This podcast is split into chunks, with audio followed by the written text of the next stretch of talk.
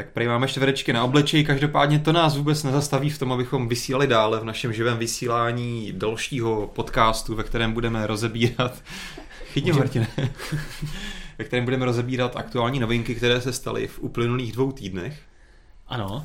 A jak jste možná poznali třeba z Perexu článku nebo z názvu videa, tak dneska to bude opravdu rozmanité. Začneme iPhonem 7 ještě jednou. Přesně tak, já vás ještě taky jednou... pozdravím, ahoj.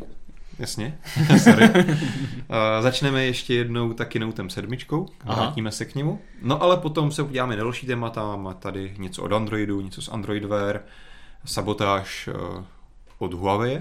Sabotáž Android Wear od Huawei, hmm. to zní zajímavě. Další uh, horké téma. Máme tady potom chystající se téma příštího týdne, právě nové produkty od Google. Mm-hmm. Máme tady novinky kolem Xiaomi a také pro MobileNet ne tak obvyklá témata. Podíváme se na nové souboje na poli dronů, protože si myslím, že to je taky zajímavé odvětví. A na nové souboje můžeme... v odvětví aut. Taky, taky samozřejmě na závěr velice zajímavá a myslím, že povznášící informace, takže nás rozhodně nevypínejte a počkejte až do konce. Ty jsi dneska takový poeta. Se budeme bavit o různých zajímavých tématech a právě na závěr pro nás máme vlastně dvě, dvě velice zajímavé věci, takže myslím, že stojí za to si na to počkat. Ale teďka začínáme. Teďka začínáme, možná už tam ani nemáme čtvereček. A já jsem si ho chtěl jako takhle... Že jsme si ho házeli pink, takhle. Pinkat, no, takový. takový pong bychom udělali. Pong, no. Dobře. Tak příště Petře to musí vychytat. Uděláme z toho pong. Jo. Škoda. Takže se musíme teda přesunout k nějakému nudnějšímu tématu a to je Apple iPhone 7. Mm-hmm. I když ten letos tak nudný není, protože tam přece jenom máme pár jako vylepšení. Vy se to minule probírali s Martinem no. Prokopem podrobně. A my jsme samozřejmě iPhone 7 Plus začali testovat, i iPhone 7 e, jsme zkoušeli. A nevím, ty jsi je měl v ruce nebo neměl? Máš možnost říct nějaký i svoje Jo, myslím, že jo. Zkoušel jsem to tlačítko. Jinak, tak jinak vidíte, jak, jak, moc, jak moc Honza je u vytržení z nových iPhoneů, že možná jsem si ho zkoušel. No, jako jeden z neočekávanějších telefonů tohohle roku. Tak a... jako co se na něm zkusíš novýho? V ruce je stejný pořád. No, tak tu čtečku si zkusíš, zkusíš si foťák, ten bohužel teda je v té beta verzi, aby se mohl mít to přeostřování, no. což je trochu škoda, ale to se dá dělat. Ale jinak máš pravdu, že nic moc jako Uh, moc není, no. Máš krásnější displej a všechno je jako lepší, ale co jako v ruce to nějak moc nepoznáš. Je to pravda, já jsem teďka dokonce Uh, jsem mě zaujal průzkum, který uh, dělala jedna česká firma mezi zákazníky nebo mezi zájemcemi, zájemci o a nový iPhone 7 a 7 hmm. Plus a ptala se jich, co na tom novém iPhoneu oceňují nejvíce. Tak jsem si myslel, že tam bude prostě věc jako voděodolnost a takovéhle věci. A nadpoloviční většina lidí na nich oceňuje display. Přitom ten je v podstatě stejný, jako byl. Ano, je jasnější. Je to povedlo něco... Apple nejlíp prodat, no. Takže prostě opravdu si myslí, že ten display to je něco, co jakoby je, že ta tak vyčnívá eh, z té výbavy, že to je něco, co eh, oceňují na tom novém iPhoneu nejvíce. To mě hodně překvapilo. A na druhém místě byl foťák. Hmm. Takže třeba voděodolnost, která je vlastně jednou z největších novinek, tak vůbec se tam neobjevila. Stejně tak se neobjevil 3,5 mm jack, jakože by lidé ocenili, že už uh, konečně nemusí používat sluchátka. To asi nedoufal ani Apple, že by z toho udělal až takový marketingový majsterštyk, že by to obrátilo tu svoji nevýhodu vlastně ve výhodu. Ale jo, jako ono vlastně ten displej foťák dává největší smysl, hmm. protože hmm. samozřejmě největší procento zákazníků, kdo si budou kupovat iPhone 7, jsou prostě vlastníci starých iPhoneů a tehdy nikdo ani jako u nich neslyšel o tom, že by telefon mohl být voděodolný. Mm-hmm. Takže co je jim pěkný, jasně, vyfotím si fotku, která na mém displeji vypadá hrozně pěkně. Tak. Když se to potom dám na svůj počítač, tak tam to sice vypadá hůř, protože tam nemám tolik barviček, ale No ale zase na druhou stranu nové iPhony mají opravdu skvělý foťák, no. takže i když se zadáš na nějaký jako dobrý monitor, tak potom vidíš ale málo, málo kdo má dobrý monitor, ale. To je pravda, to je pravda. Na druhou stranu, když máš beta verzi, tak můžeš ocenit i na horší monitoru u iPhone 7 Plus to uh, rozostřování díky dvěma foťákům. Hmm, to je jedno téma, které docela rezonovalo i u, u nás uvnitř redakci.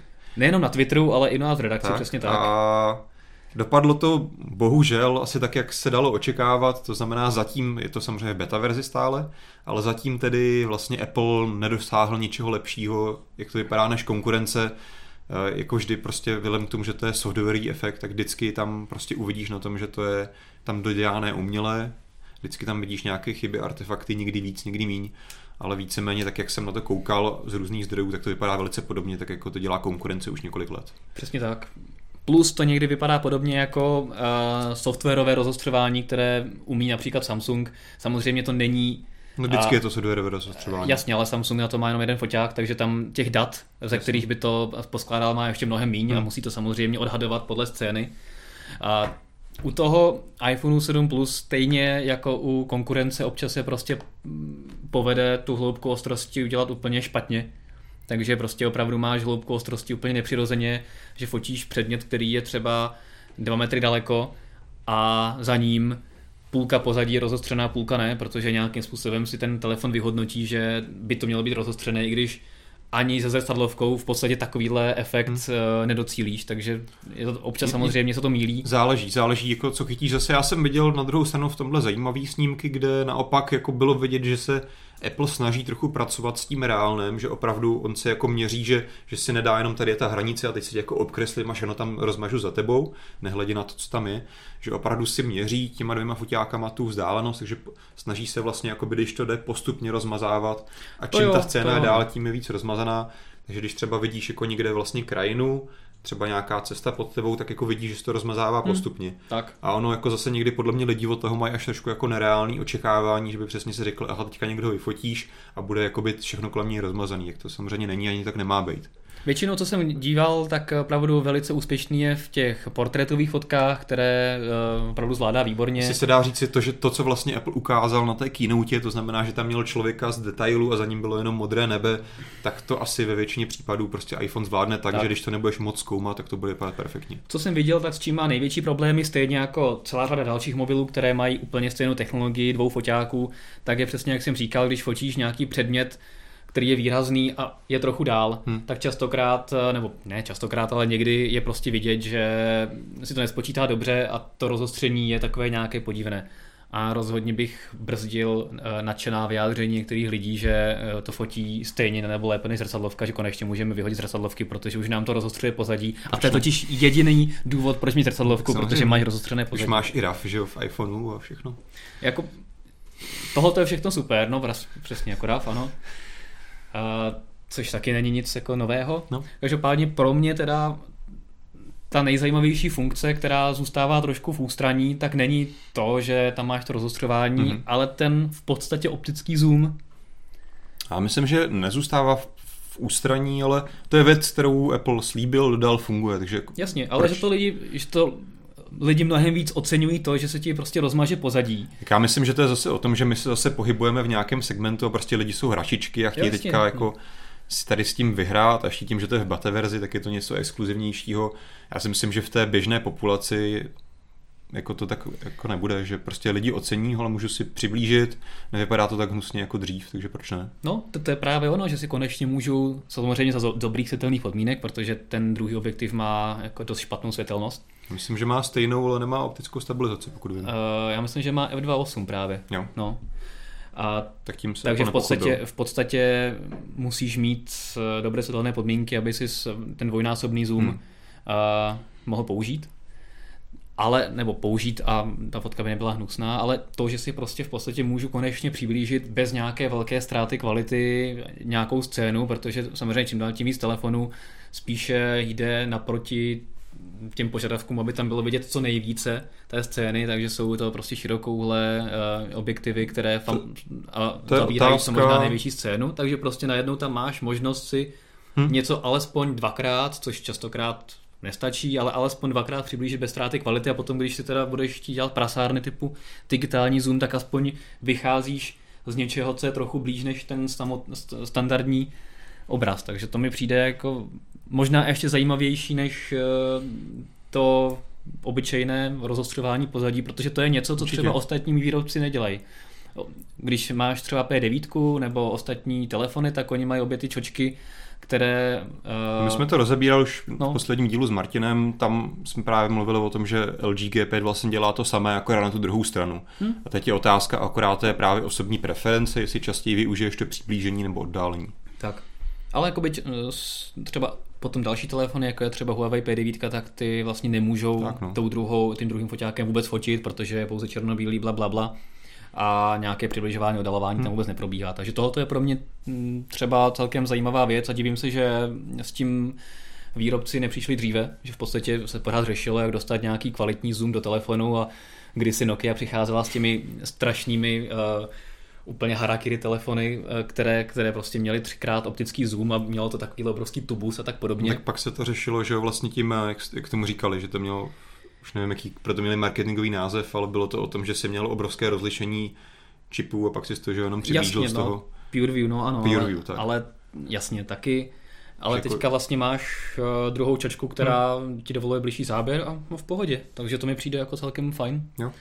Uh, Konec je to samozřejmě všechno otázka technologie, mini- miniaturizace, protože samozřejmě dřív bylo mnohem náročné tam vměstat nějakou kvalitní optiku a čip, jako alespoň jednu do přijatelně velkého těla. Dneska už, že jo, ještě jak, když je ten trend jako telefony stenčovat, tak jako to, že tam dáš na jednu dvě, dvě čočky je prostě problém, takže Hmm. prostě to je nějaká dominanta posledních let, no už.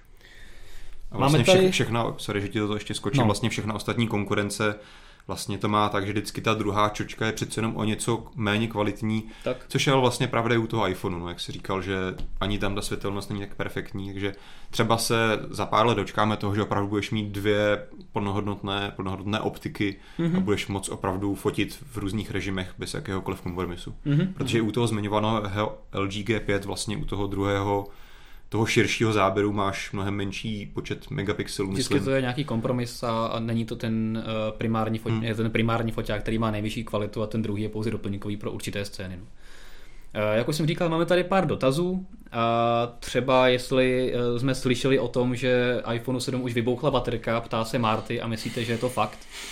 Tak fakt Určitě. to určitě být může, protože to, že občas telefonu splane nebo vybuchne baterie, se stává u spousty modelů. Ta, jako, při tak obrovském počtu prodávaných telefonů se žádný výrobce Přece jenom prostě Samsung nemůže... nedodává baterie jenom sám sobě, ale tak, ostatní. tak, přesně tak.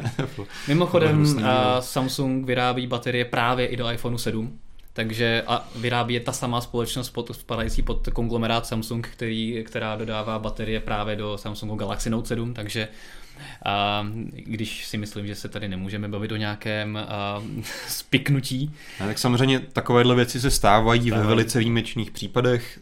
U Note 7 byl rozdíl v tom, že se to prostě stalo až moc krát. Tak.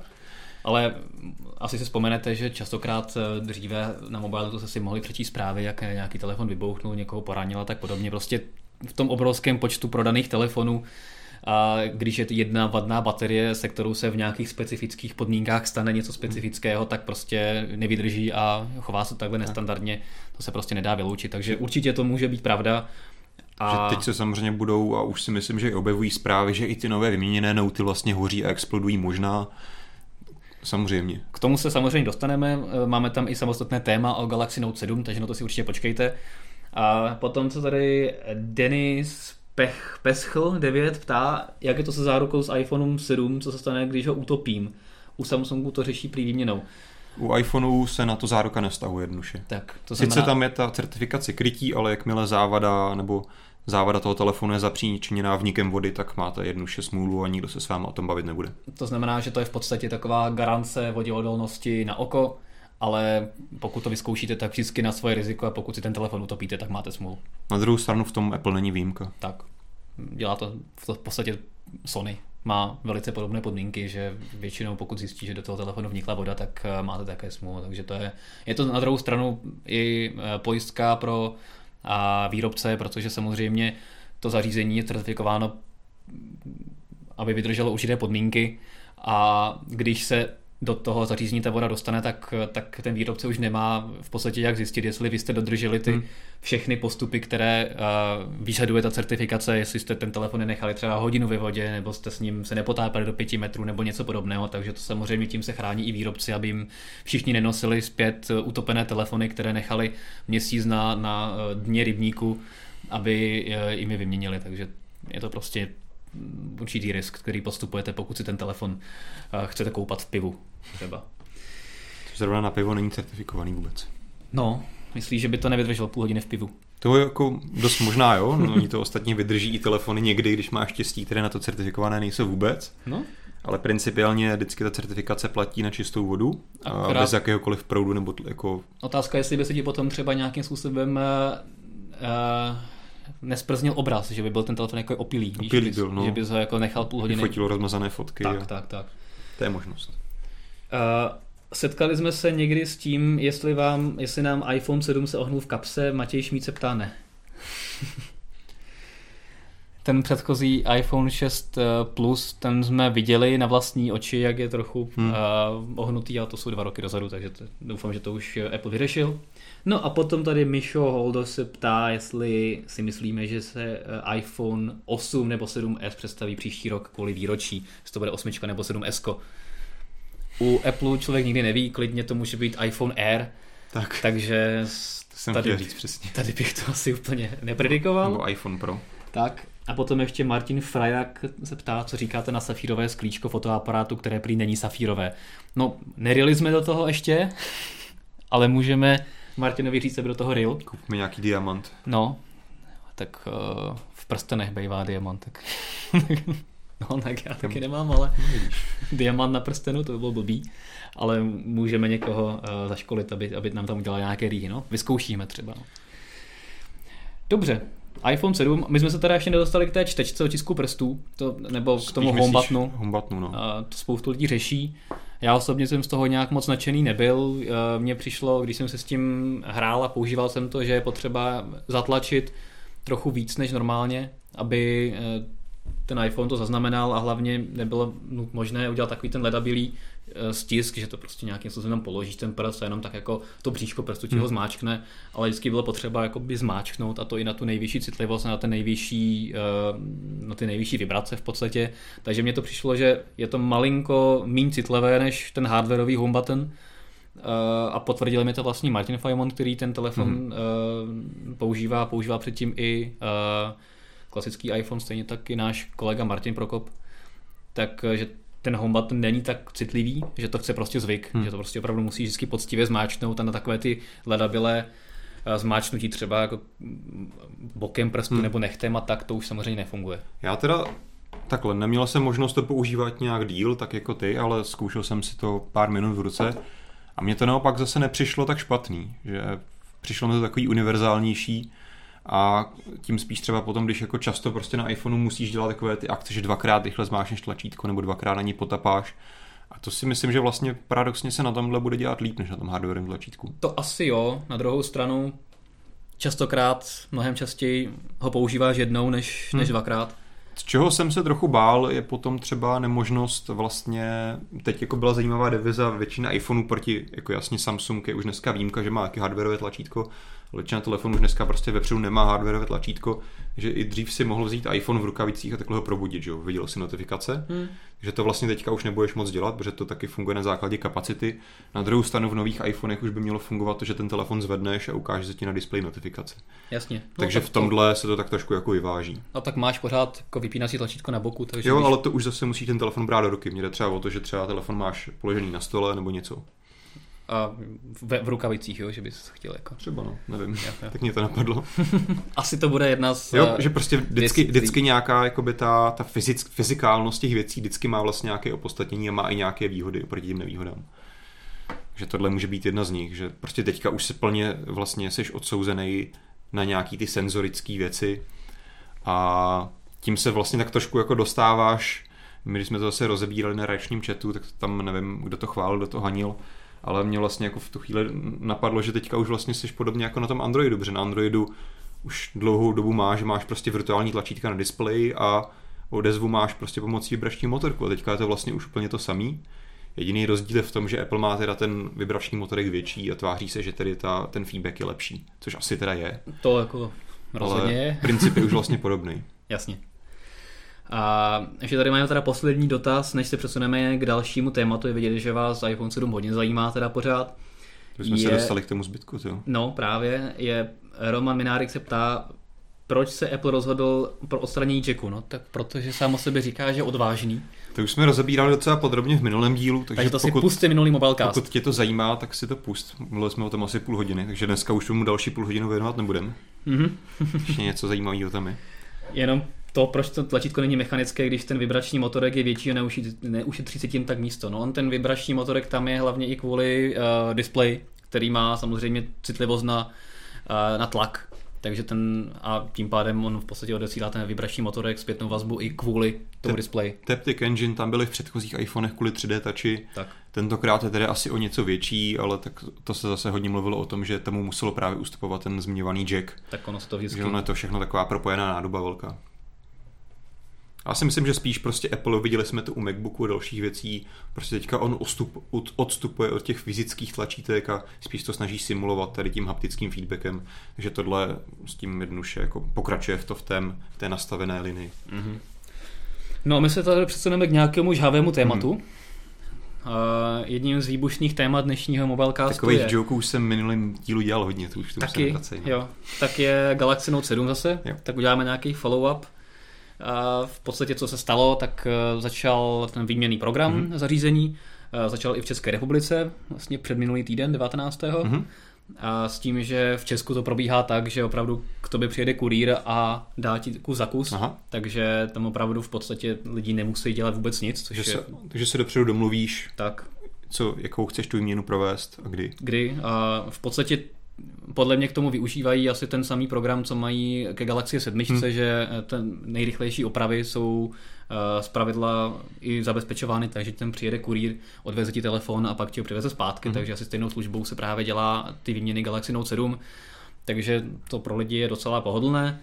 A v Evropě si je vyměnili už 60%, 60% lidí už si vyměnilo ten vadný Note za nový. Hmm. Uh, Což si říkal 19. takže to je nějakých 10-11 dní. No, s tím, že 28. října, na konci října, chce Samsung znova spustit prodej Galaxy Note 7 v Evropě, mm-hmm. ale jenom za podmínky, že si drtivá většina lidí ty zařízení vymění, aby se asi nedostávali do oběhu nějak ty vadné nebo něco takového. To oni se asi ne, spíš si myslím, že jako potřebují mít, že oni mají zase nějakou, jako dokážou je nějakým způsobem nějak rychle vyrábět. Jo, ale... Potřebují mít připravené pro ty lidi, když si přijdou, tak mi ho dejte, tak aby ho měli. Tak, že? tak no, ale, ale pokud eh, to číslo zůstane na nějakých 60%, což asi nezůstane, ale kdyby náhodou, tak eh, ten prodej asi nespustí a, a bude tlačit lidi, aby si to vyměnili. No, Uvidíme, to si no. myslím, no. že to si ještě Samsung jako rozhodne právě, jak na tom bude právě s těmi výrobními kapacitami, podle mě. Každopádně, co je zajímavé, tak uh, lidem, kteří nechtěli čekat na výměnu svého hmm. Note, tak uh, dal možnost si bezplatně vyměnit Note třeba za S7 Edge, nebo jiné telefony z nabídky, no asi jiný telefon z nabídky moc nedává smysl. Každopádně zajímavé je, že 90% lidí si stejně počkalo na ten uh, svůj nový Note 7 mm-hmm. a nechtělo jiný telefon, takže prostě ta důvěra v to zařízení je docela vysoká, mm-hmm. nebo hodně vysoká, až mě to překvapilo, že prostě lidi důvěřují tomu, že tam už bude správná baterka a to zařízení si natolik líbí, že jsou ochotní si prostě mm. počkat a znova používat jo. ten Note 7. Tak ono, ačkoliv to tak velice často nevypadá, tak lidi zase až tak jako blbí nejsou. Právě, no. A dojde jim, že tohle je prostě nějaká výjimka, stala se chyba a ten nový Samsung, který dostanou, bude prostě úplně stejný Samsung, který už jako si kupují 10 let, hmm. takže pravděpodobnost, že by se něco s tím stalo, je velice malá. Tak a s tím souvisí, že se dělaly různé průzkumy a prý dokonce eh, mezi jako vnímáním lidí, jak se změnilo vnímání lidí uh, značky Samsung hmm. před a po téhle kauze a dokonce 14% lidí uh, řeklo, že se to vnímání zlepšilo. že asi si řekli, Fakt, že, no, že si řekli, že opravdu se Samsung k tomu postavil čelem hmm. a že ten proces té výměny byl natolik jakoby rychlý a transparentní a že to řešení je jakoby Uh, velice průhledné a rychlé, že se to nesnažil třeba Samsung nějak ututlat, hmm. takže se tomu postavil prostě opravdu tak, jak se postavil, tak třeba naopak to v některých lidech vyvolalo uh, reakci jinou, než bychom původně třeba hmm. očekávali a řekli si jasně, stalo se, prostě uznali chybu a snaží se ji vyřešit opravdu co nejlépe a nejrychleji můžou, takže to mi přijde třeba tohle, jako tohle zajímavá, bez pochybu jako Samsung věc. určitě zvládl velice dobře. A jestli to mělo dokonce i pozitivní vliv jako na, na vnímání značky, tak tím líp pro Samsung. Uvidíme, no. Každopádně jsem zvědavý, co to udělá třeba s celkovými prodeji Galaxy Note 7, do kterých samozřejmě Jestli si Samsung... třeba připočtou ty, co skutečně prodali a potom ještě jako by vlastně vyměnili, tak ty prodeje budou velice zajímavé. To je pravda, to je pravda, no. A to je jako právě v tom vtip asi veškerých těch statistik, že my vlastně nikdy nevíme, že, co nám ten výrobce řekne přesně, jestli to se to zakládá pravdě nebo ne. Objevily se i zprávy o tom, že by Samsung měl zrychlit vývoj Galaxy eh, S8 hmm. právě v reakci na to, že Galaxy Note 7 rozebírali minulý týden. Uh, nějakým způsobem, no, minulý týden asi ne. Tak mi minulý týden. Ale, uh, což si teda nemyslím taky, že by se stalo. Je to spekulace, no, zatím. Takže to si myslím, že spíš si to nechá zase na třeba Barcelonu. Uh, David Kubeš prý slyšel, že i po výměně stále vybuchují Galaxy Note 7, ano. To je to, co jsem, o čem to, jsem mluvil. Přesně, no. co jsi říkal. Uh, myslím si, že už teďka se objevovaly spoustu jako hodně falešných uh, případů, kdy lidi se snažili nasimulovat uh, z nějaké senzace chtivosti, že jejich telefon vybouchnul nebo schořel nebo co A ideálně ti to zapálil dům třeba, Přes, že jo, a velká pojistná událost. Tak, tak, tak, takže tyhle ty události se uh, udávaly a samozřejmě u Note 7 se budou stávat dál. Um, neměli by vybuchovat, no, jako těžko, to by si myslím, že by si už Samsung opravdu pod sebou podřezal trošku větev, kdyby to... Myslím, že teďka se na to dá tím spíš tak. větší pozor, takže naopak, pokud bych se jako dovolil hádat, tak ta už tak mizivá pravděpodobnost, že zrovna ten váš kus bude vadný, se ještě u těch nových Samsung bude nižší než běžně, protože si myslím, že teďka jako tam opravdu na některých pozicích v těch továrnách Samsungu někdo opravdu dostal velkou čočku jen tak si to asi znovu nedovolí. No tak oni ty nové bat- takovouhle chybnou sérii. to nové baterky by měly být právě od externích partnerů, oni by právě neměly být vůbec od toho Samsungu. Takže... To, je, to je pravda, ono to samozřejmě ještě taky otázka, jako, co bylo tou přesnou příčinou, protože mluvilo se o tom, že to byla i třeba nějaká jako konstrukční vada, hmm. takže to mohlo být prostě souhra několika činitelů dohromady. Takže uvidíme, jak to celé dopadne.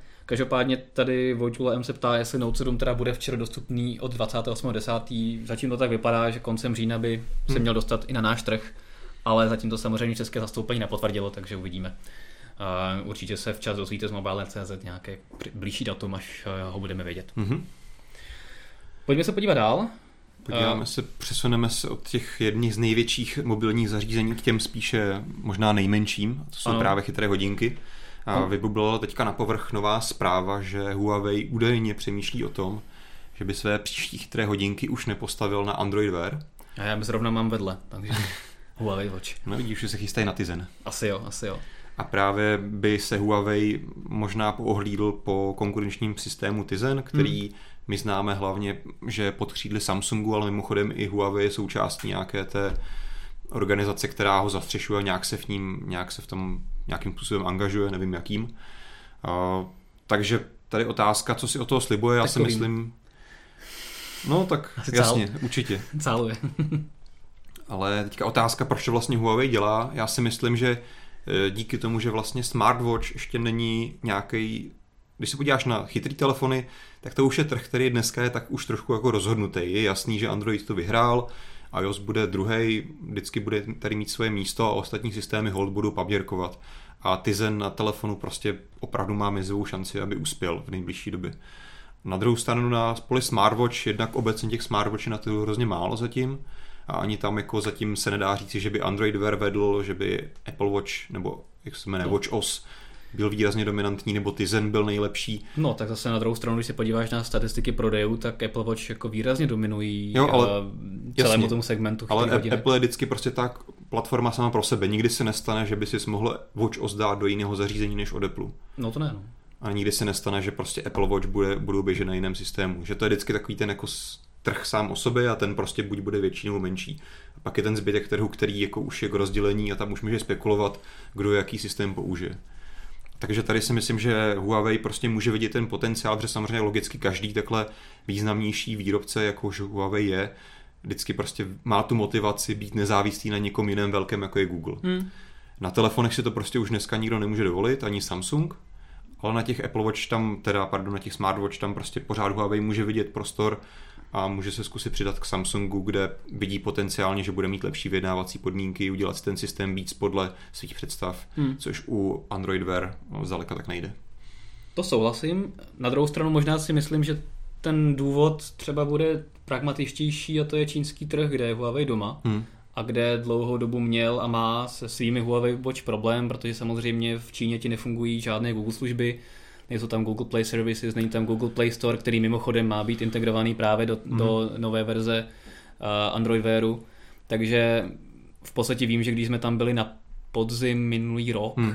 takže v podstatě všude na světě se Huawei Watch prodávali, v Číně se neprodávali, hmm. mezi tím to tam prý už nějak vyřešili, a že se tam už také můžou prodávat Huawei Watch, nevím s jakým hackem. Hmm. Každopádně, eh, jakmile nemáš v telefonech Google Play Services a všechny tyhle ty Google služby, tak s Android, s Android Wear funguje dost, dost blbě. Hmm. Tak Takže... Play, Play Services asi i předpokládám v čínských telefonech máš, ale ale nepřihlásíš ale ne, tam. Ale nemáš tam právě, no Play Services je prostě nějaká, nějaká aplikace jako ta platforma v telefonu. Potom máš jako Google Play služby, jako mm-hmm. ten obchod samotný, tak ten tam samozřejmě nefunguje. Tak, No, tak tam nefunguje ani spoustu dalších věcí od Google, takže jestli to, to není spíš jako prozajíčtější věc, že třeba uh, budeme hmm. mít jedny hodinky se dvěma systémy, anebo třeba si vyzkouší ten Tizen, jestli to bude fungovat na čínském trhu a když se to tam uchytí, tak potom třeba přejde na Tizen uh, na světový trh, ale jestli to náhodou není takovýhle prozajíčtější důvod, že má prostě miliardu lidí, kterým chce prodávat své chytré hodinky a, a je to takové komplikované. Hmm, to určitě dává smysl, no. V tomhle prostě pořád ten čínský trh takový specifický, takže jsou tam takové vlastně podmínky, které nám nepřida, nepřipadají jakože běžně reálné pro náš život. Je to tak. Člověk se vždycky diví. S Android Wear funguje nebo souvisí i další téma, mm-hmm. které tady máme. Vidím, že tady žádné otázky na Huawei Watch s Tizenem nemáme, tak se posuneme tam. Právě budeme pokračovat v té trochu negativní konotaci, protože Google sliboval, že právě Android Wear, Android Wear operační systém Eh, ve verzi 2.0 představí ke konci letošního roku. Hmm. Ale teďka právě vydal developer preview třetí už tohodle, tohodle, téhle verze systému, ale zároveň s tím oznámil, že se finální verze dočkáme až příští rok, tak. někdy z kraje na začátku. Takže tím se to uvolnění odsunulo, nezbývá než čekat, jako, nebo si na to počkat vlastně. A tak trošku to i souvisí s tím, že vlastně s tím dalším tématem, a to je vlastně, že příští týden se chystá docela významná tisková konference pro Google, kde bude představovat své nové hard, svůj nový hardware. Konkrétně 4. října? 4. října. A nějakou dobu zpátky se spekulovalo, že by tam Google vlastně mohl ukázat třeba také své vlastní hodinky. Mm-hmm. Že dřív vždycky tam ukázal, ano, máme tady Motorola, tady jsou LG, tady nějaký Samsung a tak dále. A teď jako s tím vlastně, jak on se více soustředí, že bude více kecat do toho hardwareu, bude to více brandovat sám pod sebou, o čemž samozřejmě budou důkazem právě ty Pixel telefony, které se tam představí, tak se i tak trochu spekulovalo i na základě nějakých úniků patentů, takže by mohl představit i své hodinky přímo. Tak to se z největší, největší pravděpodobností teďka určitě nestane, jelikož vlastně ten software nový, se kterým by to logicky mělo být spjaté, bude až někdy příští rok. Mm-hmm. My tady máme ještě doplňující dotaz zase od M. Na které hodinky si myslíte, že Android Wear 2.0 vyjde? Tak ono, Není tam zase tak tolik možností. Pocit, že to možná někde půjde i k dohledání, že se to snad, když eh, to Google na I.O. uváděl, tak myslím, že tam nějaký základní seznam uváděl, na které hodinky to půjde, na které ne. Teďka z hlavy to asi nevíme, neprozradíme to, ale určitě to bude dohledat ten mobilnetu. Určitě víme, že to je uh, Huawei Watch se dostanou, protože na ty to funguje už teďka v rámci, mm. té, v rámci těch preview verzí a jsou to v podstatě všechny hodinky, které mají ten uh, stejný chipset, jako mají uh, Huawei Watch, takže nějaký ten Nevím, co tam ještě může být. Myslím, že ty nejnovější LG Watch Urbane 2 by tam měli Určitě. tohoto dostat, takže veškeré vlastně novější Android Wear hodinky by uh, ten systém měli dostat. Asi pokud máte staré Motorola 360, tak tam asi už bych to, to, to úplně doufal. Tuším, že ty jediný Sony, který udělali, tak ty tam taky nepůjdou. Hmm, hmm. Takže záleží. Uh, no, ale zpět tady k tiskovce 4. října. K pixelům? Tak, hodinky tam tedy podle mě na 99% nebudou, to jsme si řekli.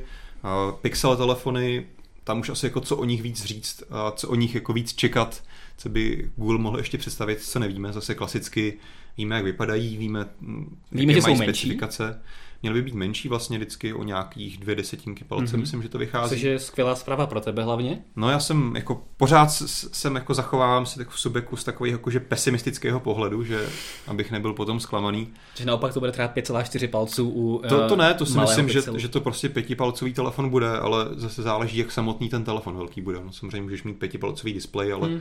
Když nad to a pod to dáš obrovské rámečky, což vypadají, že nejmenší nebudou, tak se ti jako veškerá kompaktnost mizí mm-hmm. někde oknem ven.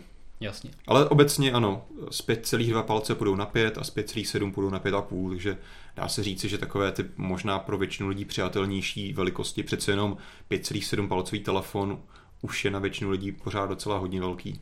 Tak je pravda, že v podstatě Google se svými Nexusy nebo Pixely hmm. teďka míří spíše na západní trhy. A v Ázii asi se svými Nexusy nikdy moc, nebo se svou značkou nikdy moc úspěch neměl, v, v Číně už vůbec ne.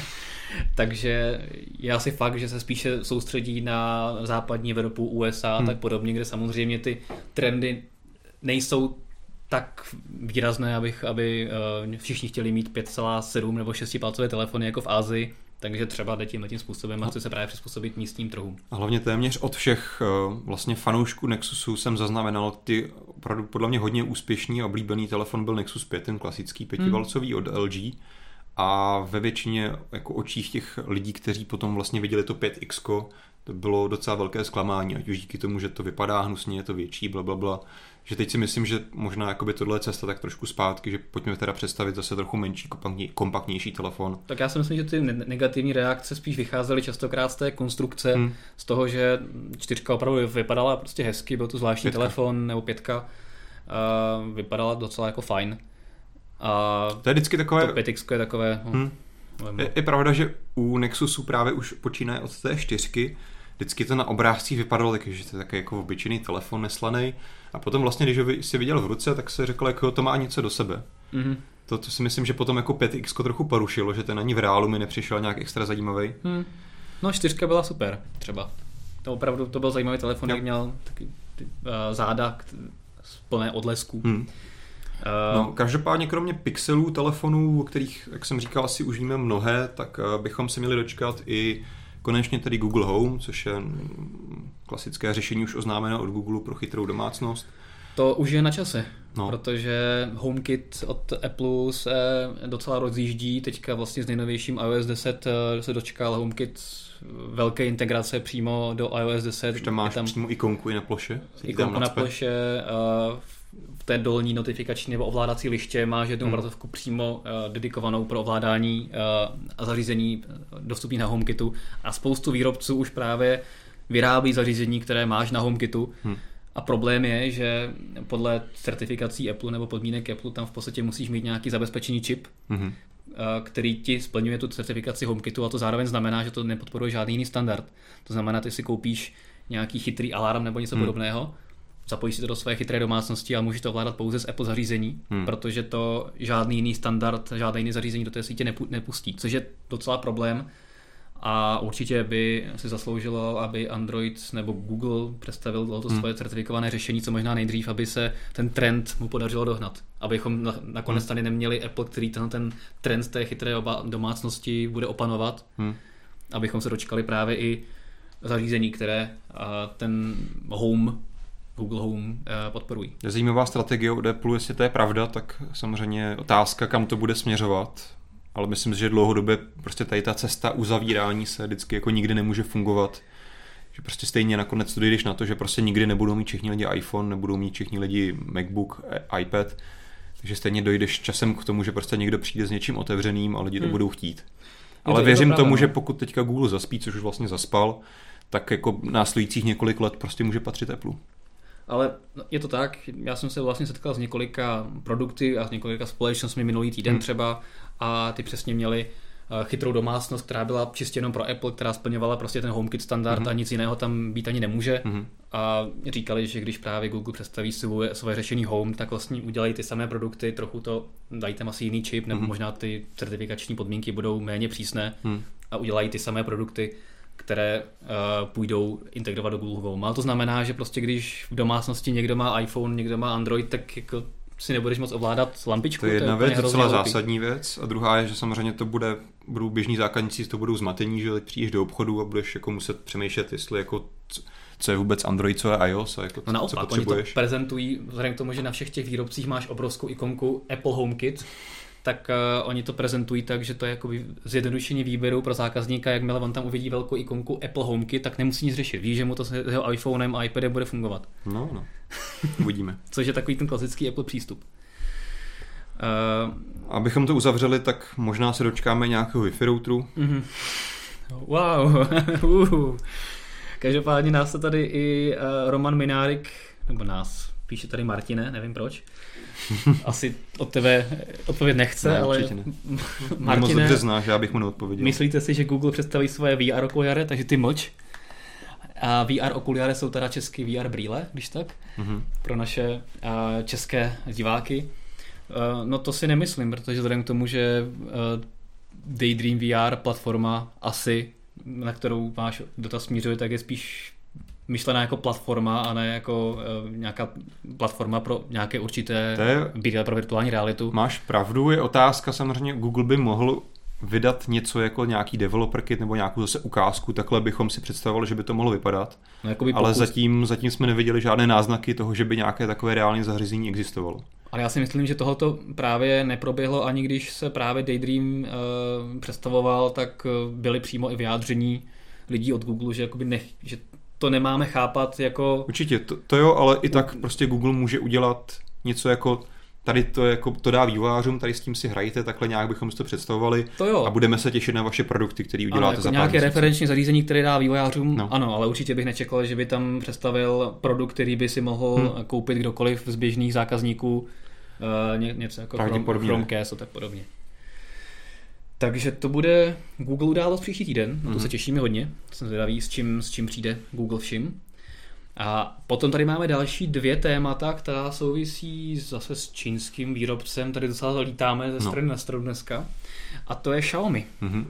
čínský drak, který si postupně brousí drápky i na Evropu čím dál tím víc. No, eh, je to téma, které už tady několikrát tak jako trošičku jako proběhlo, že vždycky se někdo nějaký prodejce dovozce snažil vyvolat dojem, ano, konečně už my jsme ty, konečně ty první oficiální dovážíme to kýžené Xiaomi oficiálně do Evropy. A Těch oficiálních nakonec, distributorů už jsme v Česku měli asi 10. nakonec se vždycky ukázalo, že to vlastně tak úplně není. Tak teďka vypadá, že sice to není v Česku zatím, vypadá to, že to je zase Polsko, ale společnost ABC Data by opravdu měla být, jak to vypadá, oficiálním distributorem Xiaomi. Uh, oni vydali tiskovku a důkazem toho i docela, myslím, že už jako zajímavým a uh, jako notným nějakého pozoru je to, že opravdu už i když se podíváte na Xiaomi.com, tak tam opravdu už je i polská mutace, i když je hodně zjednušená, tak tam opravdu už existuje. Takže si myslím, že pokud by jako o tom Xiaomi nevědělo nebo nechtělo by jako se spřáhnout s někým v Polsku oficiálně, tak by to určitě nenechalo dát na svůj oficiální web. Že to si myslím, že je takové, takové jako neformální potvrzení toho, že opravdu tohle přijde. Ale mě zase představuje, nebo překvapuje vždycky ten způsob komunikace nebo nekomunikace. Hmm. Xiaomi vždycky jakoby je to takové, že se o tom člověk někde jako dozví, že to nějak jako vybublá, najednou Tak na druhou stranu najde. prostě Xiaomi jako nikdy jiný než v Ázii neexistuje, tak jako No jak by jasně. měli komunikovat? No jasně, tak Museli ale- by založit tady prostě nějakou PR pobočku. Ano, ale už je to docela dlouho, kdy přijali Hugo Baru s velkými s velkými nadějemi, že se vlastně v podstatě dočkáme konečně, že dostal vlastně do, za úkol to přivést na další trhy. Tak on má si zatím stále dost práce to rozšiřovat po Indonésii a No. dalších takových trzích. To, že to jako docela dlouho trvá teda. Ne, tak letos se podívali poprvé oficiálně do Barcelony, Tak. to byl takový první krok. tak, tak, tak. A teďka prostě asi jako se dohodli nějakým způsobem s tím polským distributorem, který tedy oficiálně bude zastupovat, bude tady mm, poskytovat servis oficiální. A je teda otázka, co to bude znamenat pro nás, jestli zatím nevíme, jestli to bude znamenat, že všechny nové telefony budou s evropskými LTE frekvencemi, to není potvrzené. Jestli se to bude nějak rozšiřovat i do, i do dalších zemí, to také nevíme. Minimálně se tady asi jako rozmůže to, že si budeš moct od toho polského distributora to nějak sem dovést. Na druhou stranu je otázka, co, v čem to pro tebe bude lepší, než když si to koupíš od českých distributorů, který to dováží přímo z Číny. Hm. Uvidíme. Tady zatím, Co zatím je to plné otázek.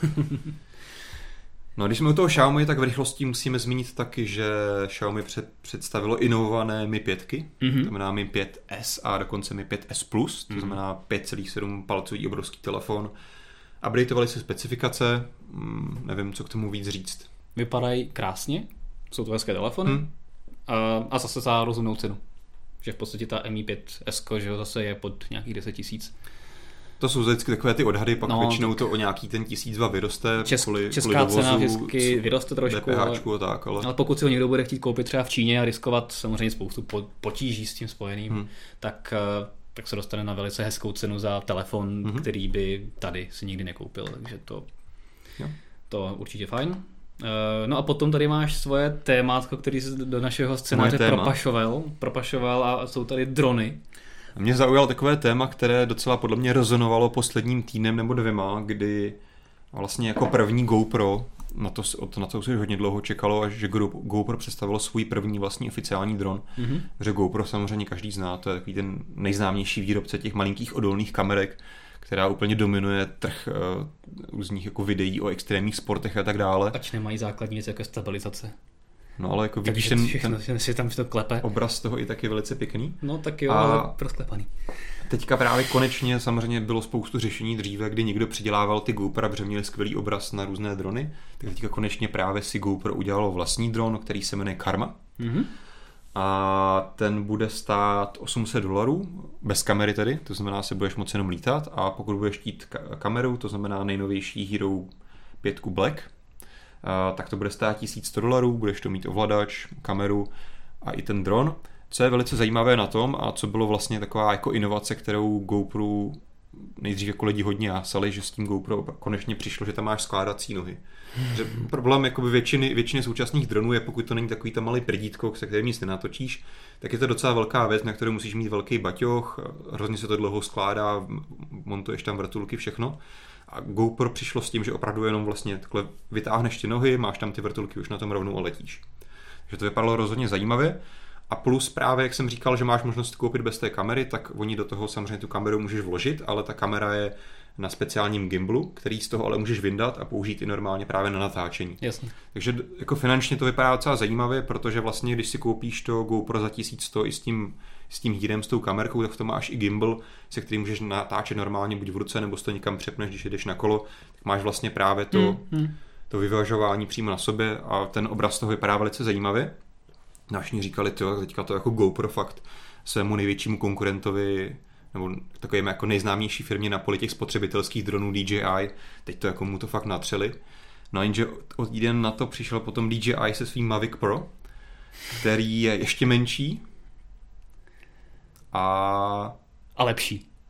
To jestli je lepší, to je otázka, samozřejmě teďka je potřeba ještě si počkat na nějaké jako podrobné recenze. Každopádně Mavic stojí 1000 dolarů s ovladačem, případně 750 dolarů bez ovladače, pokud bys to chtěl ovládat pouze na telefonu.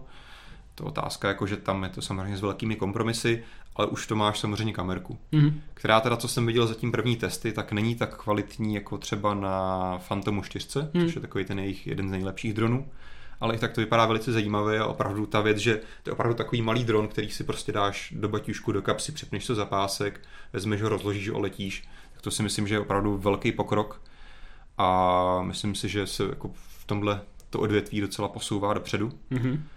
A myslím si, že se jako časem dočkáme opravdu takových super spotřebitelských dronů, který prostě jenom položíš na stůl, on se sám rozloží, vzlítne a už vůbec nic neřešíš. A se střelí nějaký letadlo třeba nahoře. Že samozřejmě už dneska jako velkou součástí všech těch dronů je i právě nejenom to, jako že ten hardware je skvělý, že to dokáže lítat rychle, stabilně, nevím co, ale vlastně možná ještě víc podstatná je ta softwarová část, kdy dneska už tam jsou docela pokročilé algoritmy, které pracují nejenom s GPS, ale máš tam jako složité věci na rozpoznávání okolí pomocí kamerek a hmm. různých laserových senzorů. Takže ono to dokáže vyhýbat věcem automaticky, sledovat objekty, orientovat se v prostoru, když nemáš vlastně GPS signál, že to je docela zajímavé. A myslím si, že v tomhle, v tomhle nás čeká ještě docela dost zajímavá budoucnost. Jo, mi se hrozně líbí ty drony, které umí, prostě když lyžuješ, tak hmm? zlétnou na tebe 2-3 metry a celou sezdovku tě prostě sledujou, natáčí tě. Je pravda, že... se stromům a mm-hmm. dalším, to je super. Až tak jako úplně super to nefunguje, to vypadá v těch reklamních videích takhle, ale je Náhodou, pravda, že... Pár z videí jsem viděl a až na to, že se občas jakoby trošku zdálí, protože přemýšlí, jak má no. ten strom obletět, tak Nemluvím o ježdění freeride v lese, to jako, že, ale když jdeš normálně někde, kde je docela v pohodě jo. Uh, prostor, tak ono tak... samozřejmě taky rozdíl v tom, jako OK, že to sleduje a druhý, jako druhá věc je, aby to natočilo fakt jako pěkný záběr. Tak který... jasně, že to nebude samozřejmě automaticky objíždět a, a tak, i když takový taky jsou, ale to už je trošku náležitý. Ale co jsem chtěl říct právě nějaký rok, dva zpátky, ještě bylo u dronů opravdu jakoby bez diskuze to, že abys opravdu mohl dron operovat a zároveň ještě s tím natočit něco velice pěkného, tak to opravdu nebyla doména amatérů hmm. a často, to je samozřejmě ještě dneska tak stále, pořád tohle je segment nějaký spotřebitelský, když je to docela drahé a stále máš nad tím ještě segment ten profesionální, který ti opravdu velký dron, který ti unese klasickou kameru, tak to jsou stále věci, která, která je třeba operována dvouma jako lidmi vedle sebe. Ale vlastně jakoby s příchodem tady těch nových DJI a dalších dronů samozřejmě, kdy opravdu do toho přišla tady ta softwarová část, tak dneska už je to opravdu zařízení, které zvládne ovládat každý. Prostě ono opravdu zmášne na telefon tlačítko, ono to samo zlítne, samo to přestane, tapneš na displeji, no to tam letí, natáčí to, máš tam takové ty právě ty režimy sledování, jak jsi říkal, takže docela ucházející záběry vlastně už dneska dokáže natočit docela každý. Ale myslíš si, že teda ty firmy, co eh, natáčí ty videa profesionálně z drony, tak ještě chvilku vydrží? Ne, tak určitě vždycky, vždycky jako vždycky to, to umění do toho musí vníst ten člověk a nějaký ten svůj um, takže jako to počítač asi jen tak úplně nenahradí, ale na druhou stranu opravdu jako by ta úroveň a vyrovnanost a plynulost těch záběrů, který ti vlastně dneska ten dron udělá sám od sebe téměř, hmm. je už opravdu docela jako úchvatná. No super. Tak to jste měli takové nové okénko. Že třeba až jako za pár let, až to bude opravdu super jednoduchý, tak to zvládneme i my používat a budeme třeba natáčet video recenze dronem. Jo, že budeš 10 metrů vysoko, no. záběr na redaktora, jak tam dole obrací telefon v ruce. Budeš třeba že jo, po ulici a budeš sledovat dron jako se třech různých úhlů a budeš jako dělat recenzi takhle jako jo, jo. za pochodu. A co na tom uvidí, na tom videu? No to ten dron zařídí všechno. Jo, takhle. Jako, že... Jasně, jasně. OK. Že to bude mít třeba 100 násobný zoom a bude no, ze zhora zabírat to, co děláš na displeji a bude to dokonale stabilizovaný, dokonale to vidět, jasně. OK. No, tak za tři roky. Beru ti za slovo, jo? No, jasně. ale co není za tři roky, ale co je mhm. už teďka, no. a ten ten týden, tak uh, možná spoustu z vás zaznamenalo, že jsme spustili náš uh, další server, který se jmenuje fdrive.cz. Mm-hmm. F znamená future, to znamená budoucnost. A je to o elektromobilech, chytrých autech, uh, chytrých technologiích v nich. A koloběžkách koloběžkách elektrických ještě tam, myslím, že nemáme tam elektrickou A nějaké koloběžku, kolo jsme tam měli. Ale elektrokolo tam je, ale opravdu všechno, co vás vlastně čeká v nejbližší době. Veřejná doprava taky tam je. Taky, takže všechno, co je elektrické, moderní Nejenom elektrické, samozřejmě sci-fi. různé vlastně alternativní pohony. Tak, CNG taky, když to se mi moc nelíbí, ale dobře. Tak vodík třeba, že jo? Jo, vodíková auto tam také jsou, takže tohoto všechno tam je.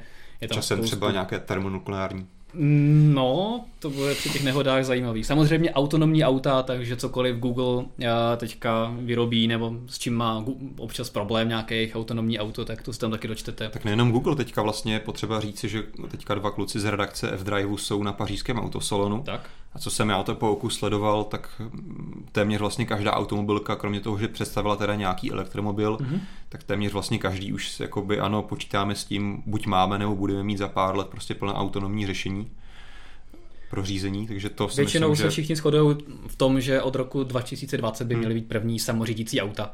Takže uh, v tom je rozhodně budoucnost. Spustili jsme to v pravý čas mm-hmm. a vy se můžete koukat na fdrive.cz. Samozřejmě máme YouTube kanál, takže si nás dejte rozhodně do odběru.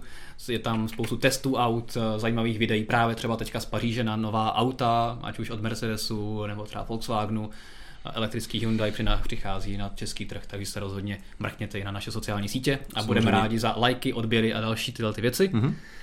No a poslední téma, také takové redakční, no. je, že v minulém týdnu proběhl poslední mobile drink, ne ve smyslu poslední, poslední, že bude poslední ever, ale Aha. že prostě poslední, co jsme e, zatím konali. E, konal se v Plzni mm-hmm. a musím říct, že byl rozhodně zatím asi nejlepší protože ten program, co jsme tam měli, tak eh, si myslím lidi hodně užili. Měli jsme tam eh, kromě samozřejmě desítek telefonů, tabletů a dalších takových věcí jsme tam měli hned tři virtuální reality, včetně wow. HTC Vive. Mm-hmm.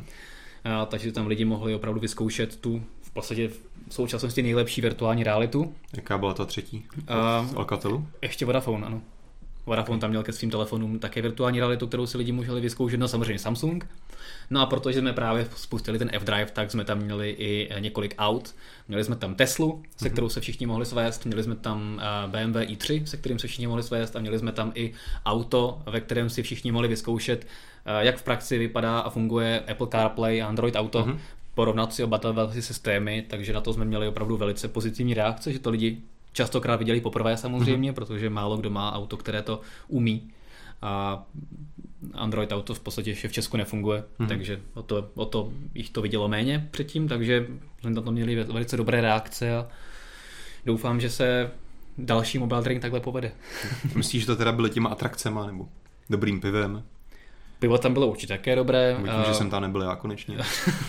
ano, bohužel Honza nám tentokrát chyběl, protože právě ladil fdrive.cz, aby se mohl spustit právě před pařížským autosalonem.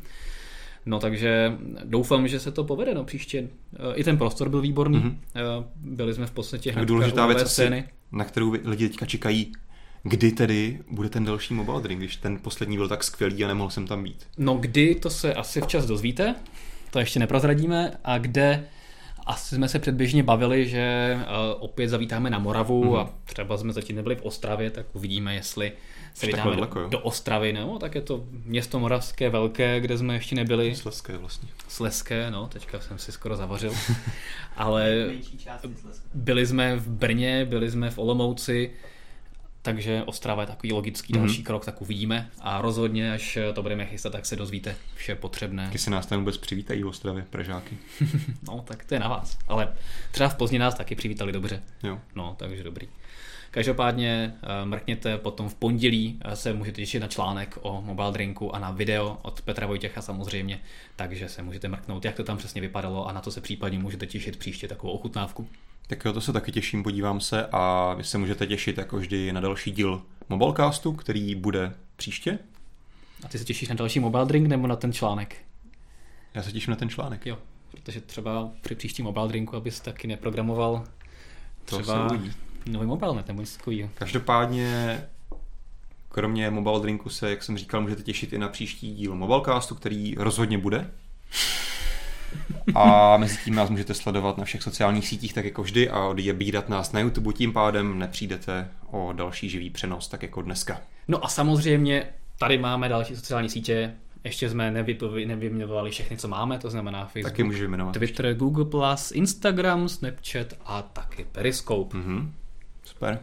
Tak a YouTube. tak jo. Tak jo, mějte se hezky. Ahoj. Pa, pa.